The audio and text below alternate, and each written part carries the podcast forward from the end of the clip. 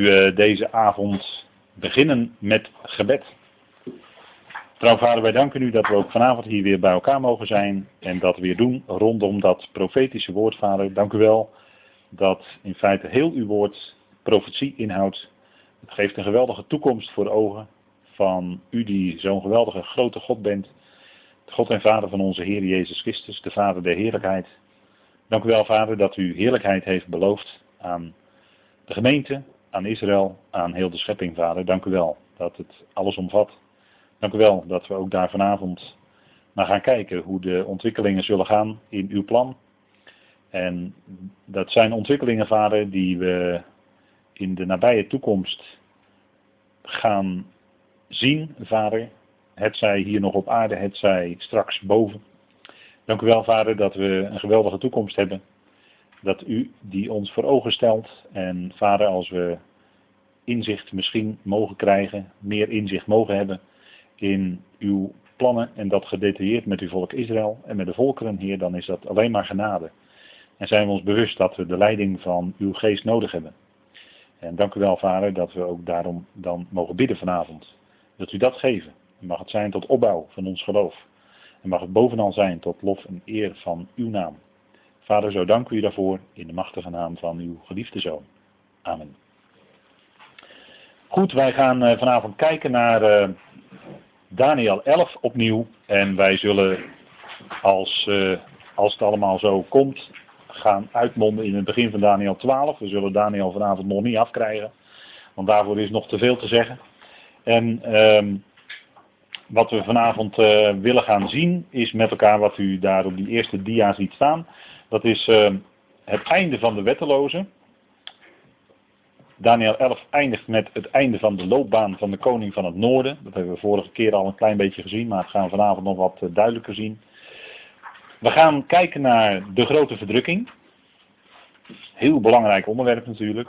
Wat voor iedereen bijzonder wat ieder, waarin iedereen bijzonder geïnteresseerd is, lijkt mij. En ook daarmee nauw samenhangend de wegrukking van het lichaam van Christus. Wanneer is dat? Is dat voor de 70ste jaarweek van Daniel, dus voor ook de grote verdrukking? Of tijdens of na de grote verdrukking? En we gaan daar vanavond heel serieus naar kijken. We gaan er echt heel diep op in vanavond. En dan zult u ook, uh, denk ik, de schriften zien. Dat is de bedoeling. U zult de schriften zien. En we gaan vanavond ook even kijken naar de verlossing van Israël. Dus er staat vanavond heel wat op het programma. En daarom gaan we vanavond maar de schouw van start in het einde van Daniel 11. En daar staat, en daar ziet u in uw concordante tekst staan, u ziet hem ook afgebeeld op deze dia, maar misschien net iets te klein om te lezen. Leest u dan mee in uw tekst die u bij u heeft.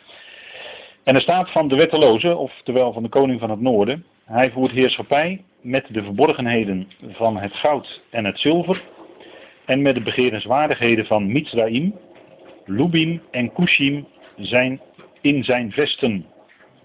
Meldingen vanuit de zonsopgang en vanuit het noorden zullen hem schrik aanjagen. Hij zal uittrekken in grote razernij om velen te verdelgen en op te offeren. Dat wil zeggen dat hij Afrika in feite beheerst. Hij beheerst dus de begerenswaardigheden, en dat is dan vooral het goud waarschijnlijk en het zilver, van Mizraim. Uh, dat is Egypte.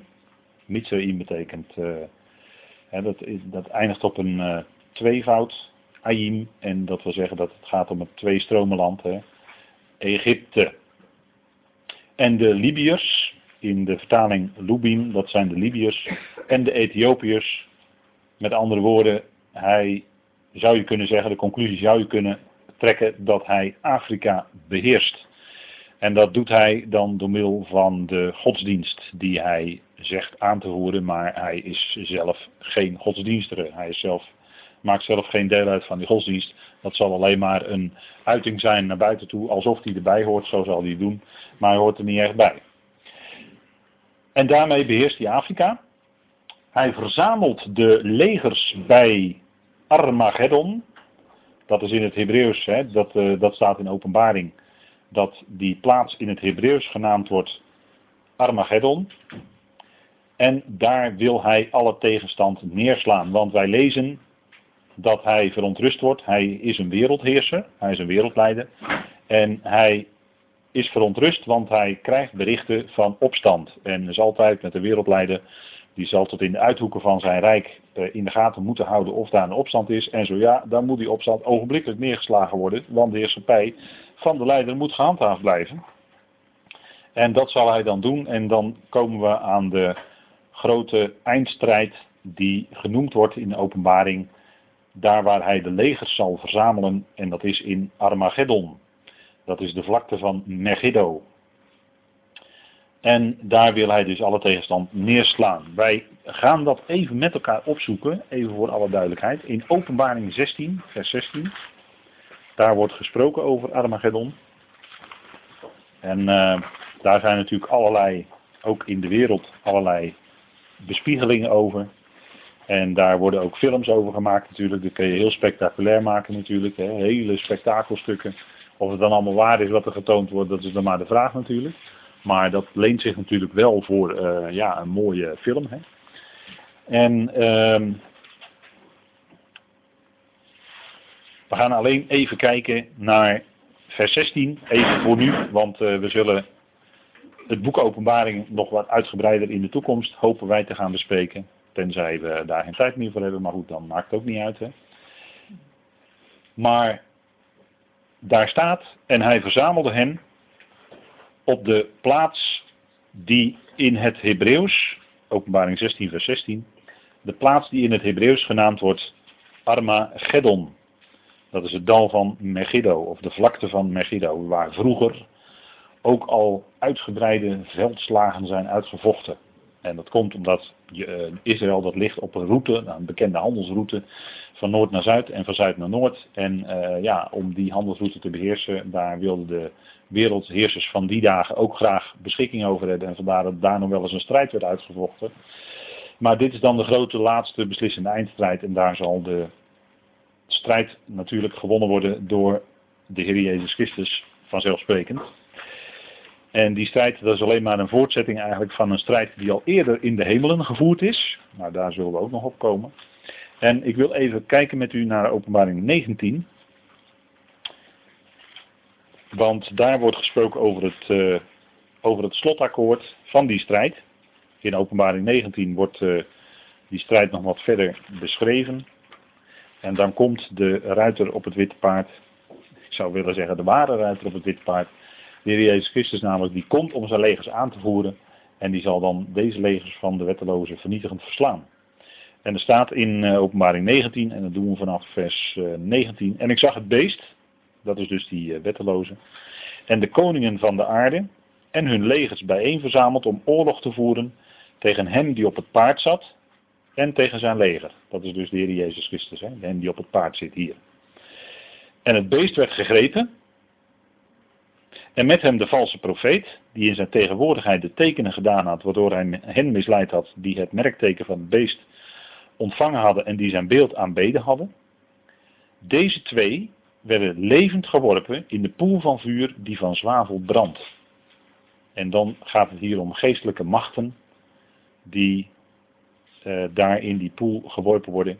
Want er staat dat zij levend in die poel geworpen werden. En er staat ook niet bij dat het voor hen de tweede dood is. Het staat, gaat hier dus om geestelijke machten, want zij blijken te blijven leven in die poel van vuur. En uh, bij de mensen namelijk, als u verder zou lezen in openbaring 20, dan ziet u als daar mensen ingeworpen worden, dan gaan zij dood. En dan staat er ook bij, dit is de tweede dood, de poel des vuurs. Dus zodra het om mensen gaat die erin geworpen worden, dan is het de tweede dood. De tweede keer dat zij doodgaan. En um, hier gaat het dus om uh, de geestelijke machten die de wetteloze en dat uh, beest, de valse profeet, uh, beheersen. We hebben het dus over het einde van de loopbaan van de koning van het noorden. Oftewel, die wordt hier genoemd het beest. En wij vinden daar nog meer over in, uh, in een ander schriftgedeelte wat we dadelijk met elkaar gaan opslaan. En die laatste eindstrijd, dat is dus wat in Daniel 11, want soms worden in Daniel de dingen heel beknopt aangegeven die in openbaring een stuk uitgebreider worden vermeld. Dat zullen we ook eh, straks nog zien. Met een andere uitspraak van Daniel. Die wordt in, dan in openbaring verder uitgewerkt, meer in detail. Dat heeft ook te maken met de voortgang van de openbaring. Wat namelijk op een progressieve, dat noemen we dus een toenemende openbaring. Hè, er is een toenemende openbaring van God. Dus, uh, maar daar zullen we nog wel wat meer over zien. Hoe verder in de tijd, hoe meer God onthult, ook in detail van de plannen. En we zien dus dat zij verzameld worden in die vlakte van Megiddo. Ik heb daar nog even een kaartje voor u op deze dia. Dat is, uh, dan kunt u ongeveer, heeft u een idee waar het Megiddo ligt. Dus nou, bijna op de Westbank. Hè. Wat we tegenwoordig de Westbank noemen, dat is eigenlijk Judea en uh, Samaria. Dat is op Bijbelse gezegd. Nou, daar ligt uh, Megiddo, hè, de vlakte van Megiddo. Misschien als u daar eens bent in Israël, dan kunt u daar eens een kijkje nemen. Dan, en dan moet u voor zich dan zien wat daar dan gaat gebeuren. Al die legers die daar, dat zie ik dan, als ik daar zou staan, zie ik dat voor me. Dan zie ik al die legers die daar verzameld worden. En, en wat daar allemaal gaat gebeuren. En ja goed, zo heeft ieder denk ik zijn eigen voorstellingswijze. Maar goed, dan ziet u even waar Megiddo ligt. Dit is een foto vanaf een hoogte genomen. En dan kijkt u dus op de vlakte van Megiddo. Dus hier gaat het dan allemaal gebeuren, die grote eindstrijd. En uh, ja, goed, hier, dit is gewoon wat het profetisch woord zegt. Hier gaat het gebeuren. En hier gaat het dan ook gebeuren, ja. Dat is gewoon heel duidelijk. Hè? Het is gewoon, uh, denk uh, toch voor u goed om te weten waar hele belangrijke dingen zich in de nabije toekomst gaan afspelen. Het einde van de wetteloze. Van die wetteloze staat in Daniel 11. Hij zal de tenten van zijn paleis planten. Dat is waarschijnlijk beeldspraak. Of het nou letterlijke tenten zijn, dat is nog maar even de vraag. Ik heb er wel een foto bij gedaan met mooie kleuren, letterlijke tent. Het is geen evangelisatietent, maar goed, op zich uh, zou het ook nog niet zo gek zijn. Maar uh, hij zal de tenten van zijn paleis planten tussen de zeeën naar de luisterrijke heilige berg. En dus hij zal waarschijnlijk dan tijdelijk zijn verblijf daar hebben om te laten zien dat hij ook daar in Israël, want daar zal waarschijnlijk ook nog een stukje weerstand zijn tegen zijn heerschappij op een of andere manier. Hij zal daar in Israël dan laten zien dat hij daar ook de heerser is. Dat hij daar ook het laatste wat nog herinnert aan eventuele aanbidding van een andere God dan degene die hij verplicht laat aanbidden. Uh, dat hij dat ook neerslaat en uh, uitvaagt. Hè? Want uh, alles, iedereen, alles en iedereen moet het beest en het beeld van het beest aanbidden. En anders word je gedood. Dat is op straf van de dood. Hè? En dan staat er, hij zal aan zijn einde komen. En dat is dan weer het nuchtere, maar ook het ontluisterende wat, van wat er staat. Hij zal aan zijn einde komen en er zal geen helper voor hem zijn. Dus iedereen die juichte hem toe, iedereen die uh, stond achter hem en uh, de valse, hè, er werden allemaal tekenen en wonderen gedaan en zo kreeg hij iedereen achter zich in de aanbidding. En wat is dan zijn einde? Zijn einde is dat hij geen helper heeft. Dan is hij eenzaam, dan is hij alleen. En dan komt hij alleen ten val, dan wordt hij alleen gedood en dan is hij alleen uh, en dan komt hij zo aan zijn einde. Hè. Heel tekenen dat er zo bij staat in de schrift. Er zal geen helper voor hem zijn. Er zal op dat moment, op het laatste, als het erop aankomt, zal er niemand zijn die hem helpt. En dan wordt hij gedood en is hij uitgeschakeld. En waar plant, en we gaan even dieper inzoomen op deze tekst, want er staat dat hij zijn paleis, de tenten van zijn paleis zal planten tussen de zeeën. Tussen de zeeën. En dat wil zeggen tussen de Middellandse Zee en de Dode Zee. Want als we het over het luisterrijke land hebben, dan is het Israël, of het sieraadland. En dan tussen de zeeën, nou de enige mogelijkheid is tussen de Dode Zee en de Middellandse Zee. De Middellandse Zee wordt ook soms in de profetie de Westelijke Zee genoemd. En de Dode Zee wordt soms genoemd de Oostelijke Zee. Want u moet zich dan verplaatsen in de Jood die dat leest. En die kijkt naar zijn omgeving en die zegt van nou, Middellandse Zee of welke zeeën zijn dat dan? Nou, dat kunnen alleen maar die twee zeeën zijn hè, die er op dat moment zijn. In het koninkrijk is die dode zee er niet meer. Hè? Dan is het allemaal tot leven gekomen. Dan is er geen uh, dode zee meer, dan is het levend water. Wat vanuit uh, de troon komt en wat daarin stroomt. En dan wordt alles tot leven gewekt. En dat is ook precies overeenkomstig wat er dan gebeurd is. Er is namelijk leven gekomen. De geest is uitgestort. Er is geest gekomen in de beenderen. Behalve door de doosbenen. Gaan we vanavond ook nog lezen. Maar er is geest ingekomen. Er is dus leven gekomen. En daardoor, en als, uh, als uh, illustratie daarvan in de natuur zal het zo zijn dat die dode zee er niet meer is, maar het is een levende geworden en er zal overal vruchtbaarheid zijn. Dat is wat het koninkrijk kenmerkt. En dan zal het voor Israël echt zijn het land van melk en honing. Vloeiende van melk en honing. Even afgezien van de geestelijke betekenis van melk en honing. Hè? Dat is weer wat anders. En de luisterrijke heilige berg wordt daar ook genoemd. En daar kunt u natuurlijk over twisten. Of dat dan de berg Moria is. De luisterrijke heilige berg. Of de berg Sion. Want die wordt ook wel eens de heilige berg genoemd. Nou, die berg Moria en de berg Sion liggen allebei in Jeruzalem. Jeruzalem ligt dan natuurlijk hoger, hè, dat weet u. Ligt op, uh, op, op bergen, op heuvels. En dus een hoger liggen. Dus luisterrijke heilige berg zou je met een beetje goede wil zelfs Jeruzalem zelf kunnen noemen. Maar goed, als u wil kiezen tussen een van deze twee, dan zou ik misschien kiezen voor de berg Moria. Gezien de alle geschiedenis die zich daar heeft afgespeeld. Waarschijnlijk ook de kruisiging of Golgotha. Um, die daar nauw mee te maken heeft. Nou, de berg Sion zal ook kunnen, want die wordt in de profetie ook diverse keren genoemd. Hè? Um, dus de luisterrijke heilige berg. Eén van die twee, maar in ieder geval, uh, daar zal hij, hè, gaan we nog even terug, tussen de zeeën en naar de luisterrijke heilige bergen, misschien wel als toonbeeld van zijn opstand tegen God, zal die misschien wel die tenten van zijn paleis planten, misschien wel op die berg, of in, in ieder geval in de nauwe nabijheid van die berg. Hè. Er staat naar de luisterrijke heilige berg. Dus het zal in de buurt zijn van. Het zal ergens toch in Jeruzalem zijn, zal hij zijn domicilie kiezen. En we hebben de vorige keer gezien dat de achtergrond, de financiële achtergrond van hem Babel is. Dat weet u wel, hè? het goud en het zilver. Hè? Dat is Babel, waarvanuit hij zijn financiën waarschijnlijk uh, krijgt. Maar daar hebben we vorige keer bij stilgestaan. En dan staat er, bijvoorbeeld in Joel 2 vers 1, blaas de bazuin in Sion, sla alarm op mijn heilige berg. En als we het hebben over bazuinen, daar gaan we vanavond niet dieper op in. Maar de zeven bazuinen uit openbaring, die, de zevende bazuin uit openbaring, of de zeven bazuinen en dan de zevende, dat is een andere, de zevende is een andere dan de bazuin, of de laatste bazuin in 1 Korinthe 15 vers 52. Dat zijn verschillende bazuinen. Ga ik nu niet verder op in, is wel aantoonbaar hoor, maar goed, eh, daarover eh, misschien op een ander moment meer. Bazuinen werden namelijk niet alleen geblazen uh, bij het feest van de bazuinen, maar bazuinen worden ook geblazen bij de oorlog. Staat gewoon in de Torah, hè? bij oorlog. Het is echt niet alleen dat bij, bij feesten van Israël bazuinen worden geblazen, maar die worden ook geblazen bij oorlog of bij vrede. Dus het is echt niet gebonden aan feesten. Laat dat even goed duidelijk zijn.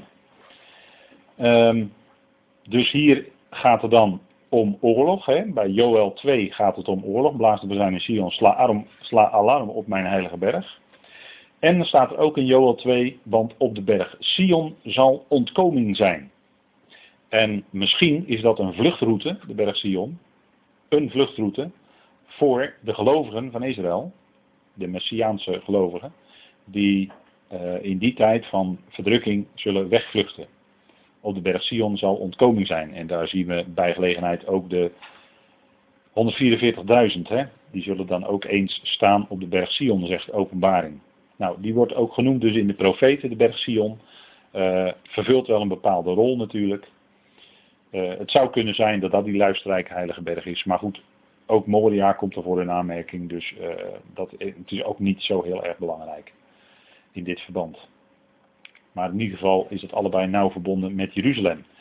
Dan de volgende dia die zegt, hij zal aan zijn einde komen en er zal geen helper zijn. En wij vinden dat ook in um, Jezaja bijvoorbeeld, in Jezaja 14, dat hij is uh, ook de koning van Babel. En hij zet dan bij gelegenheid zijn tenten wel in de nabijheid of in Jeruzalem op. Maar in feite is hij dan de koning van het wereldrijk en regeert dus, zeg ik altijd, vanuit Babel. Want alle wereldrijken werden vanuit Babel geregeerd. Dus hij is de koning van Babel. En dan staat in, Jezaja 14, daar gaat het over de, het einde van de koning van Babel. En Jezaja 14 spreekt niet over de Satan. Spreekt niet over de val van Satan. Absoluut niet. Er is geen enkele aanleiding om dat te veronderstellen.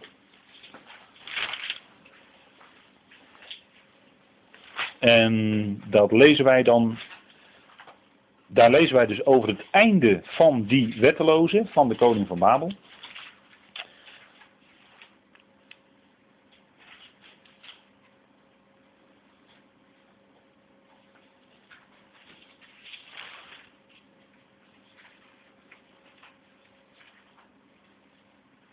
En dan is die koning van Babel uitgeschakeld. En dan staat er in uh, Jezaja 14 vers 3.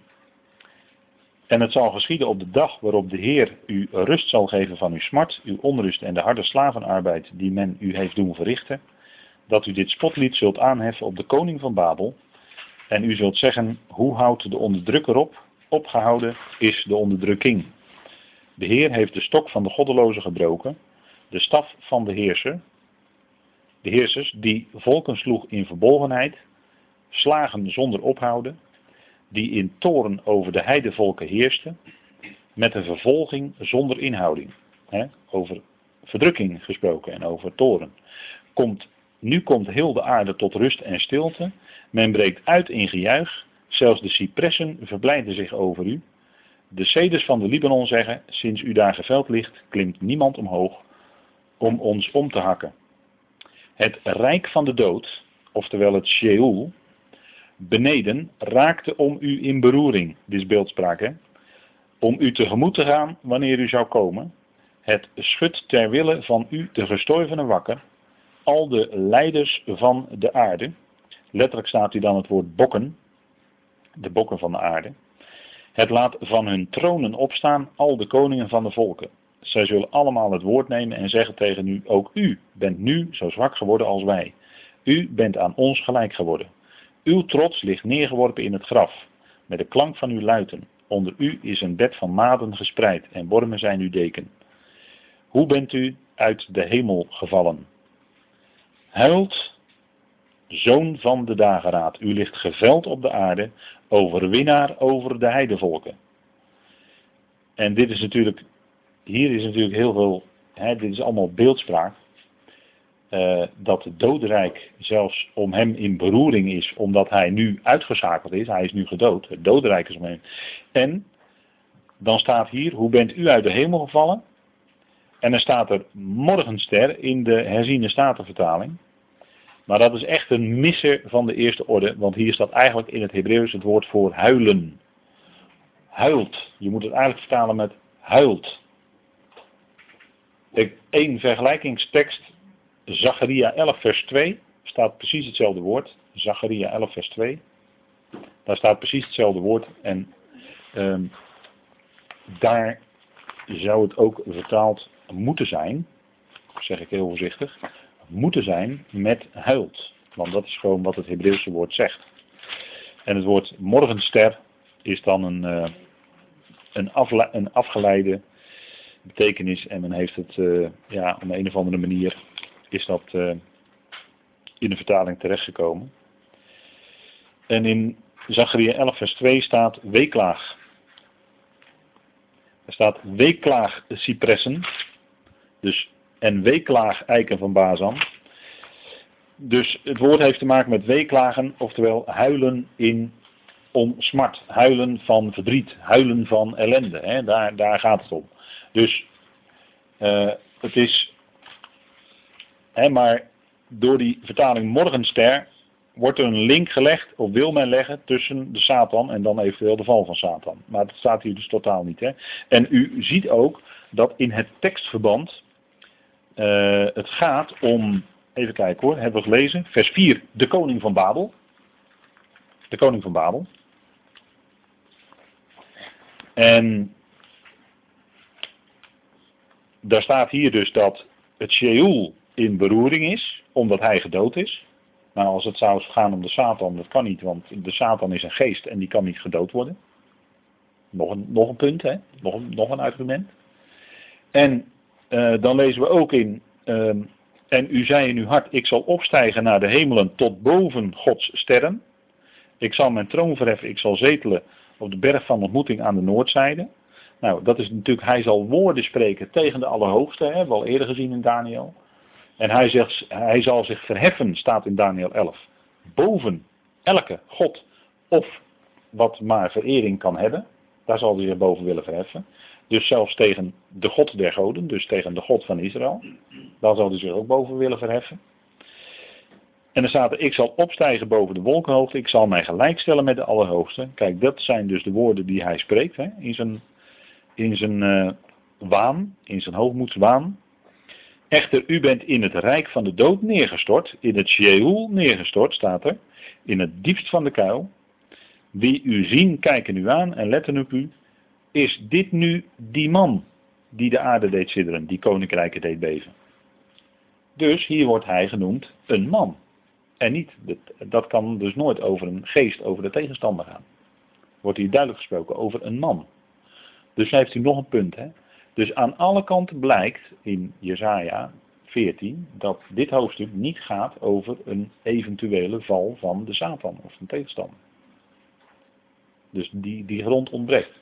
We gaan nog wel eens een andere keer kijken naar Ezekiel 28, waar dat wordt daaruit, dat is het andere gedeelte, waar dat meestal uitgeconcludeerd wordt. Maar ook daar zullen we zien dat het niet mogelijk is om het daaruit die conclusie te trekken. Of je moet het erin willen lezen, maar dat is, dat is van de andere kant komen dan. Hè? Je kan iets inlezen in een tekst, maar dat is dan jouw gedachte. Of je kan iets uit de tekst lezen, dan komt het uit de tekst en dan moet jij waarschijnlijk je gedachten aanpassen. Dat is meestal wat Gods woord doet, hè? dat het onze gedachten aanpast. niet dat wij al van tevoren weten wat er staat. Nee, we gaan eerst kijken wat er staat. En vervolgens moeten we onze gedachten waarschijnlijk aanpassen. Dat we toch misschien niet goed hadden. Of, of wel goed hadden. En we het eerder al goed geleerd. Dat kan ook natuurlijk. Dan wordt het bevestigd. Of er wordt bevestigd wat je elders in de schrift ook leest. Dat kan ook. En dat is wat je vooral met het profetische woord moet doen. Dat is schrift met schrift vergelijken. Dat is echt fundamenteel hoor. Doe je het niet, dan kun je met je eigen gedachten op de loop gaan. Of jouw gedachten gaan met jou op de loop, hoe moet je het zeggen. En je komt tot verkeerde conclusies. En dan denk je dat jouw conclusies Gods woord is. Maar dat wil helemaal niet zeggen dat het zo is hoor. Daar moet je echt heel voorzichtig mee zijn. Dus dat is heel erg belangrijk, vooral met het profetisch woord. Want dat laat geen eigenmachtige uitlegging toe. Dat staat in de schrift hè. Ik meen dat Petrus dat zegt. Gods woord laat geen eigenmachtige uitlegging toe. Dus wij zouden schrift met schrift vergelijken. En uh, ook de Joden hadden dat heel sterk over zich, dat ze allerlei dingen erbij hadden gemaakt. Tradities hadden naast de schrift, waarbij de Heer Jezus steeds zegt, maar er staat geschreven. Of hebben jullie dan nooit gelezen dat? En dan moest hij zijn eigen Torah, waar zij altijd zo intens mee bezig zijn, moest hij ze voorhouden wat er staat. Want de Heer wist het natuurlijk beter dan die fariseeën en schriftgeleerden van vandaag. Hè? Want die hadden er allerlei dingen, allerlei dingen bij bedacht en verzonnen, allerlei tradities. hij zei, hebben jullie dan nooit gelezen dat? En dan wees je ze op hun eigen tenag. Nou, dat is denk ik ongelooflijk belangrijk. Hè? Nou, um, we hebben dus gezien, in Jezaja hier wordt ook gesproken over zijn einde. Dan zal hij geen helper hebben. Hij zal uh, gedood worden en hij zal daar liggen geen helper hebben. Nou, dat hebben we dus, uh, we hebben ook zijn einde gezien al in openbaring 19, dat hebben we allemaal met elkaar gelezen. Dus hier zien we in andere schriftplaatsen het einde van deze koning van het noorden, dan wel de wetteloze, dan wel uh, de koning van Babel. Dat zijn allemaal benamingen voor die grote wereldheerser van de werelddictator van de eindtijd, hè, om het zo maar te zeggen. Goed, dan gaan wij naar, dit was het einde van de wetteloze. En wanneer dat precies is, ik kan het u niet zeggen. Maar dat zal ergens, uh, ja, om en nabij het einde van de jaarweek zijn. Of dat nou een tijdje later ligt, dat zou best kunnen. Dat weet ik niet. Maar goed, daarover uh, misschien nog een andere keer wat meer. Maar we gaan nu naar Daniel 12 en dan het eerste vers. En er staat in die era, zal Michael opstaan. In die era of in dat tijdvak zal Michael opstaan, de grote vorst. En die Michael, die wordt vaker genoemd in de schrift. Dit is een uh, geestelijke macht. Dit is een geestelijke, een engel wordt hij natuurlijk altijd genoemd. Hè? Maar ja, dat woord engel, dat is, uh, ja, je kan het veel beter vertalen met boodschapper. En, uh, want met engel hebben mensen allerlei gedachten, krijgen mensen allerlei vreemde gedachten soms daarbij. Maar hij is een, een, een vorst eigenlijk van boodschappers. Hij is een, leider onder, in de geestelijke wereld. Een, uh, iemand die een hele leger aanvoert. En hij is nogal binnen de hemelingen, heeft hij nogal een hoge positie. blijkt uit wat in de schrift over hem gezegd wordt. Ehm, de naam Michael is wie is als God. Dat betekent wie is als God. En dat verwijst natuurlijk uiteraard naar onze Heer Jezus Christus. Hè?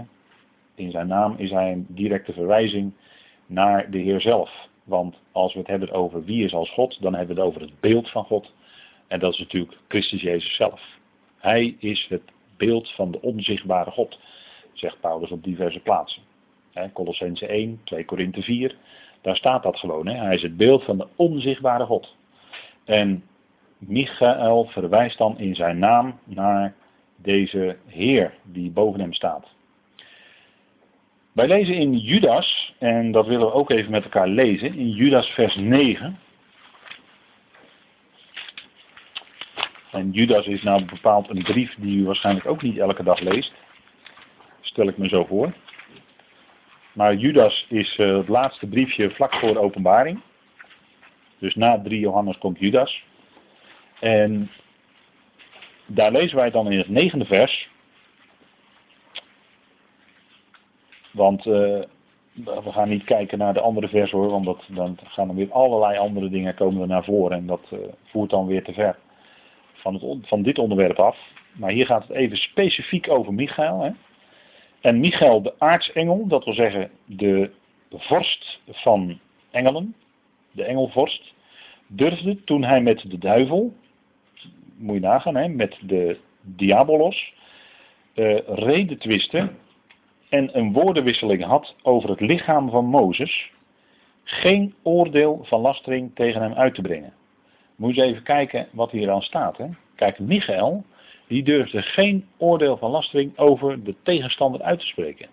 Nota bene. Moet je even bedenken hè, dat, dat, hoe dat dan zit, toch in die geestelijke wereld kennelijk. Hè. Um, en hij zei, mogen de Heer u bestraffen. Nou, of eh, er staat een woord dat betekent iets van afkeuren of terechtwijzen. Nou, hij verwees naar de Heer. Degene die boven hem staat, de Heer Jezus Christus, mogen de Heer u afkeuren, want die, kennelijk is dat degene die de tegenstanders uh, kan uh, berispen, kan, uh, kan afkeuren, op zijn plaats kan zetten, hoe je het noemen wil. Hè.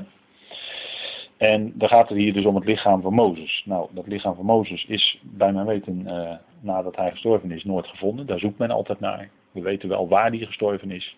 Op dat gebergte, hè, waar hij de laatste blik kreeg over dat land waarin hij nog een hele redenvoering uh, uitsprak. Daar gaan we vanavond ook nog heel even in lezen. Maar hij twistte dus met de tegenstander zelfs over het lichaam van Mozes. Dan ziet u dus dat Michael een hele belangrijke is in de geestelijke wereld. Michael is een hele belangrijke vorst. En dan kijken wij, dat hebben we al gezien natuurlijk in Daniel 10. Daar speelt, en daar krijgen we ook een kijkje in de geestelijke wereld. Hè.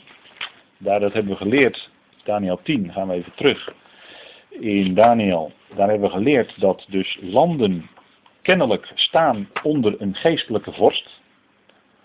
En degene die zich wat verdiept hebben in achtergronden van politieke leiders, die zullen dat weten. Politieke leiders, daar staan altijd weer anderen achter.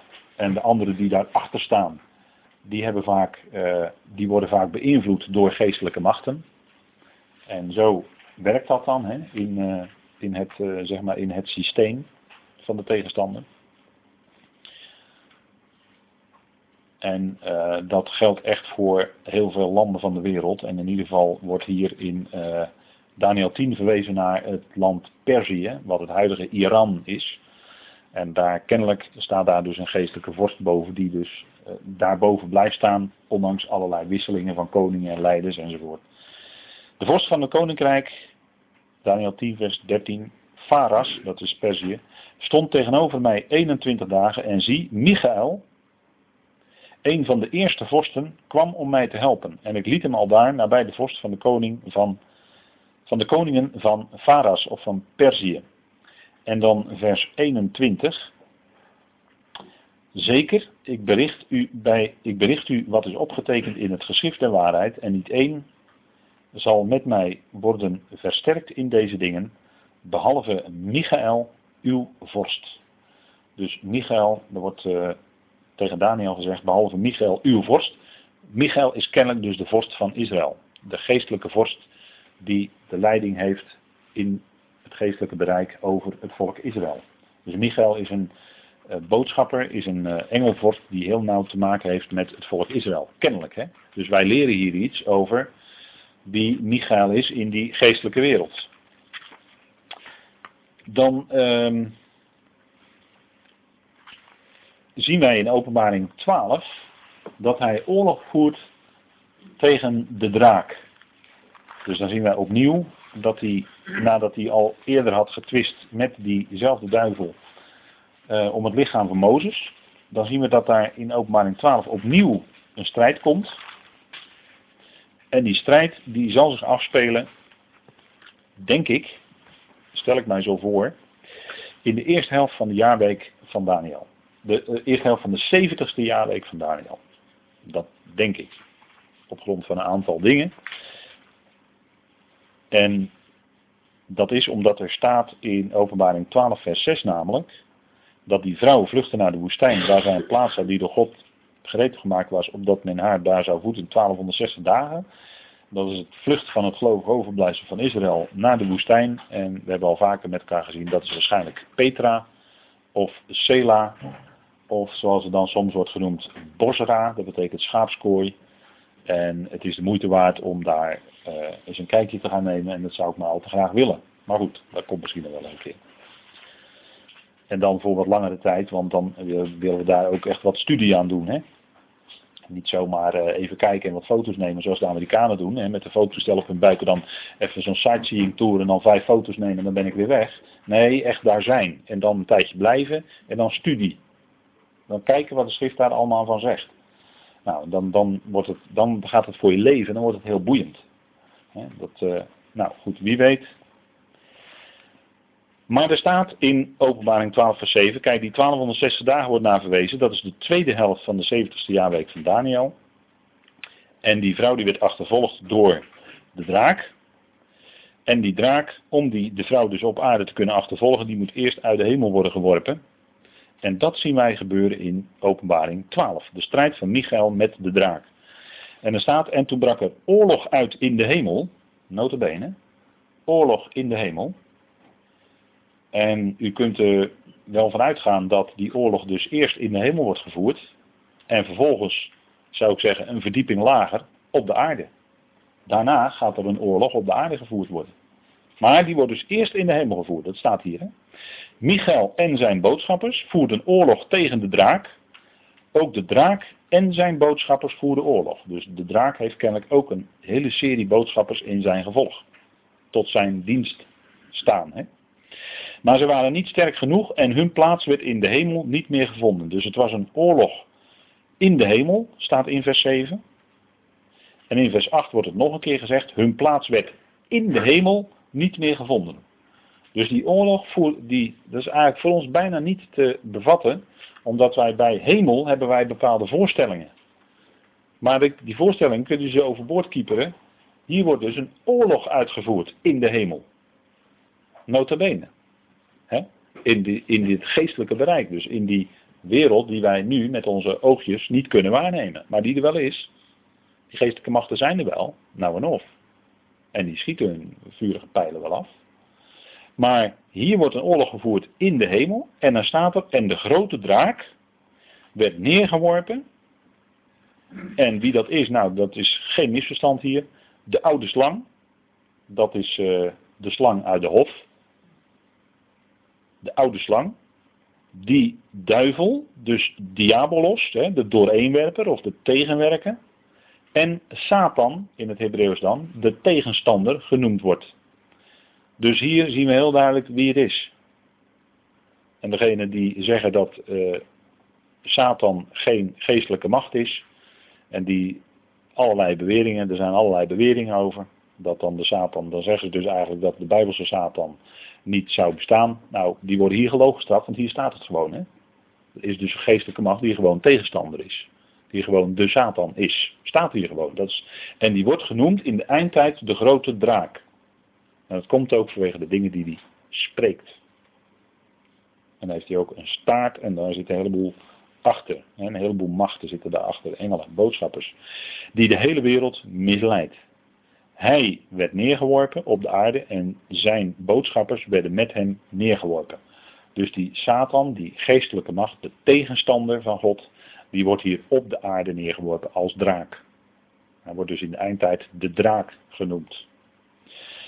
En ik hoorde een luide stem in de hemel zeggen, nu is gekomen de redding, de kracht en het koninkrijk van onze God en de macht van zijn Christus, want de aanklager van onze broeders, die hen dag en nacht aanklaagde voor onze God, is neergeworpen. Dus die Satan is ook de aanklager van de broeders, hè, staat hier. De Satan is aan, dat doet hij voor God. Er staat hier niet dat hij dat doet voor de troon van God. Dat kan je wel hier heel scherp vaststellen. Hè? Er staat dat hij de broeders aanklaagt voor God. Er staat niet dat hij dat doet voor de troon van God. Moet goed scherp blijven hier. En die een dag en nacht aanklaagde voor onze God, is neergeworpen. En ze hebben hem overwonnen door het bloed van het lam en door het woord van hun getuigenis. En ze hebben hun leven niet lief gehad tot in de dood. Nou, en dan zien we dus dat die oorlog plaatsvindt. Dus Michael voert dan die boodschappers, die hemelse boodschappers aan in de strijd tegen Satan en zijn boodschappers. Michael wint die strijd. De Satan wordt op de aarde geworpen. En het eerste wat hij doet, en dat is dan wat we in het eerste deel van Openbaring 12 lezen, is het volk Israël vervolgen als geen ander. En zij, de gelovigen uit Israël, die zullen dan ontsnappen. Zij zullen bewaard worden door God 1260 dagen lang. Staat hier. Hè? Dus dit, dan ziet u even hoe belangrijk Michael is. En dat hij dus opstaat. En dat zegt Daniel 12. Kijk, in, die, in dat tijdvak, in die era, zal Michael opstaan. Wat gebeurt er dan? Nou, dat lezen we dus hier in Openbaring 12. Wat dan daar gebeurt. Michael staat op en hij gaat oorlog voeren tegen de tegenstander. Dat zegt Daniel niet, maar dat zegt Openbaring. Een punt, hè? En dat blijkt ook uit het directe vervolg hier, wat er staat in Daniel 12, vers 1. In dat tijdvak, tijdvak zal Michael, of in die era, zal Michael opstaan, de grote vorst, staande boven de zonen van uw volk. Dus hier zien we dat die Michael de vorst is, de geestelijke vorst is van het volk Israël. Hij staat boven de zonen van uw volk. Dat wil zeggen dat hij heerschappij, hè? boven wil zeggen dat hij heerschappij heeft. Geestelijke heerschappij.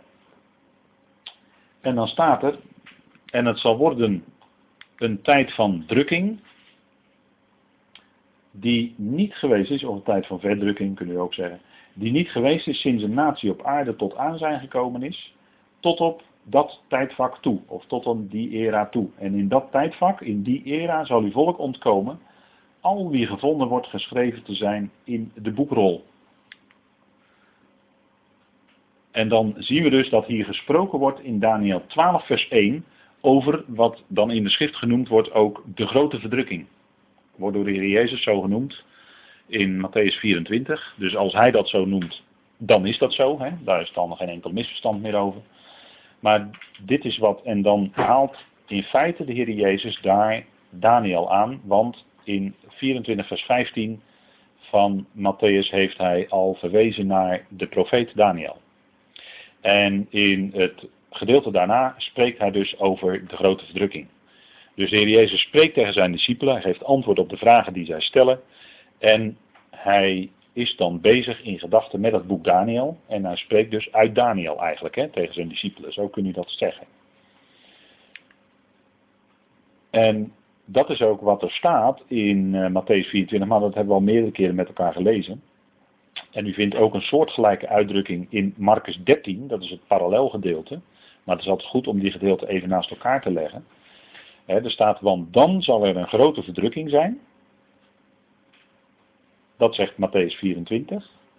En Marcus 13 zegt, want in die dagen zullen dagen van zo'n verdrukking zijn. Nou, en dat, dat is wat uitgebreider. En het is misschien goed om toch heel even met elkaar te kijken. Even in Matthäus 24. Gaan we even kijken met elkaar wat daar nou precies staat.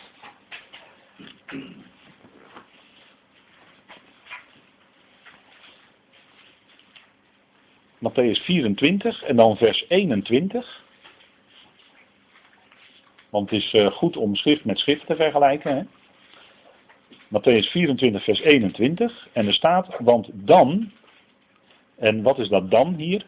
Dat is, um, dat is het moment waarop gesproken wordt over de gruwel van de verwoesting. Dat is vers 15, hè?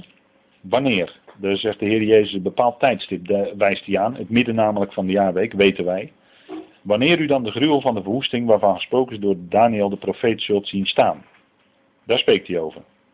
En dan zegt hij later dan en dan en dan. Dus dan verwijst hij steeds naar dat moment.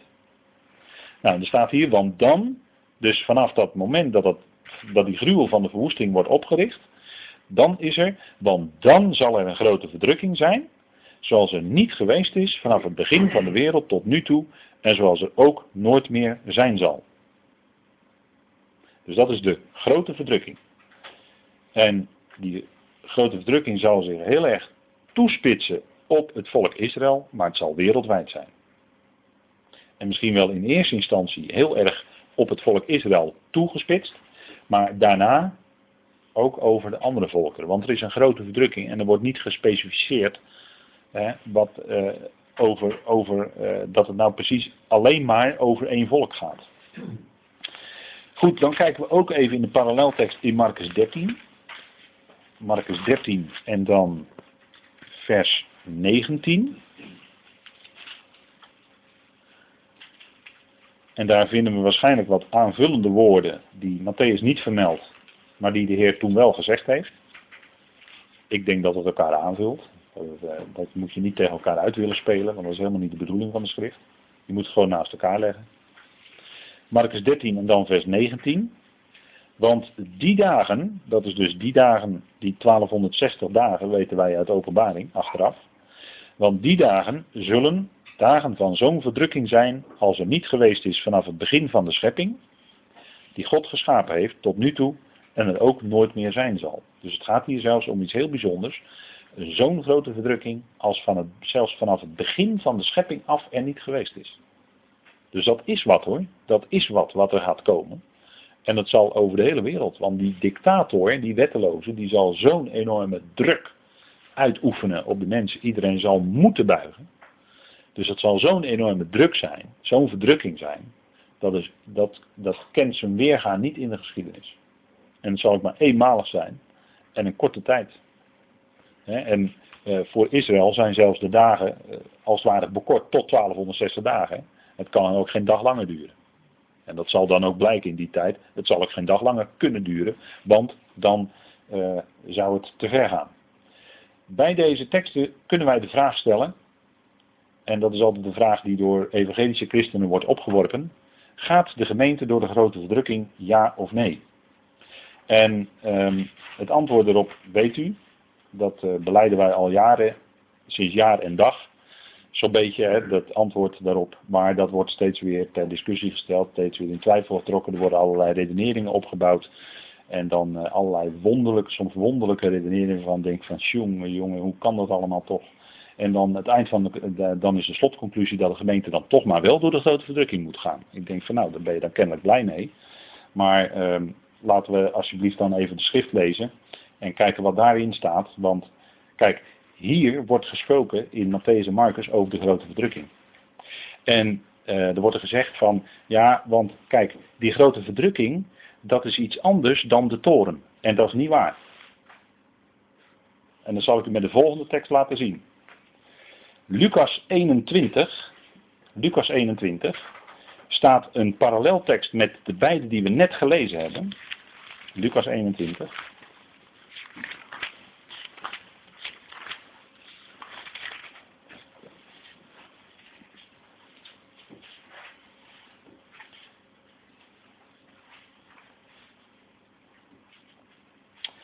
En dat gaat over hetzelfde moment, alleen wordt er in Matthäus gezegd dat dan het beeld, de gruwel van de verwoesting wordt opgericht. Hè, waarvan gesproken is door Daniel de profeet. Nou, wat gebeurt er dan nog meer? Nou, dat blijkt uit Lucas, uit Lucas 21, vers 20.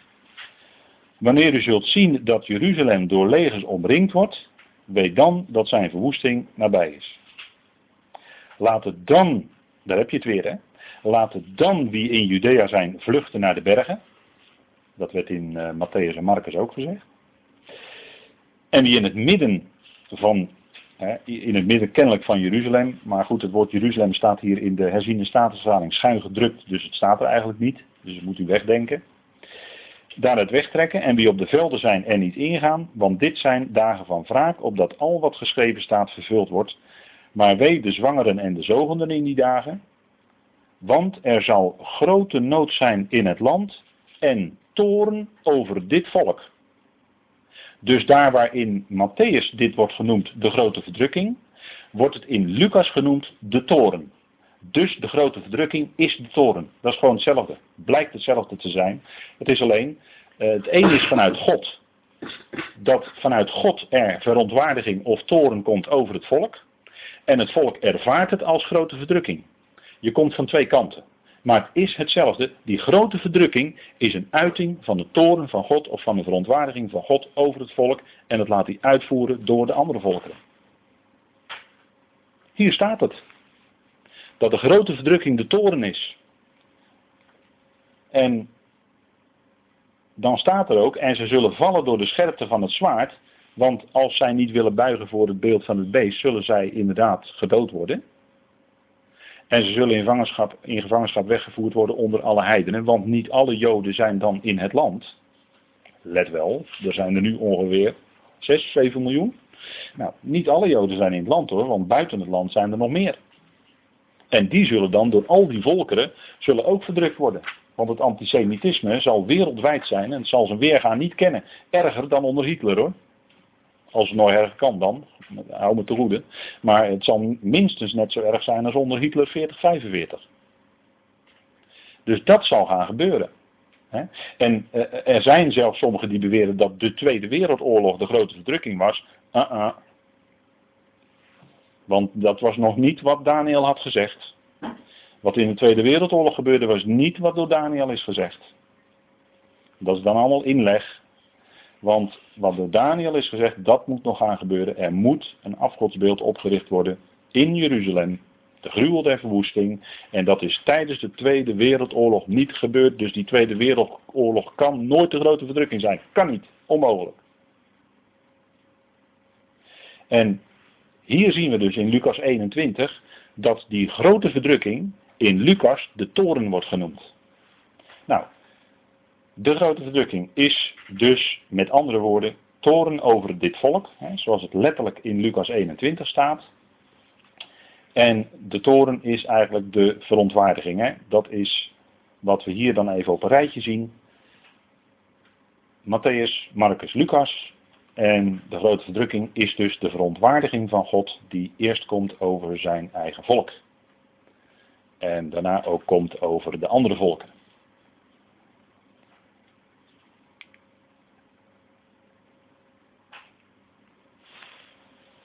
En ik denk dat het op dit moment even goed is om even een kort moment te pauzeren en dan gaan we straks weer verder.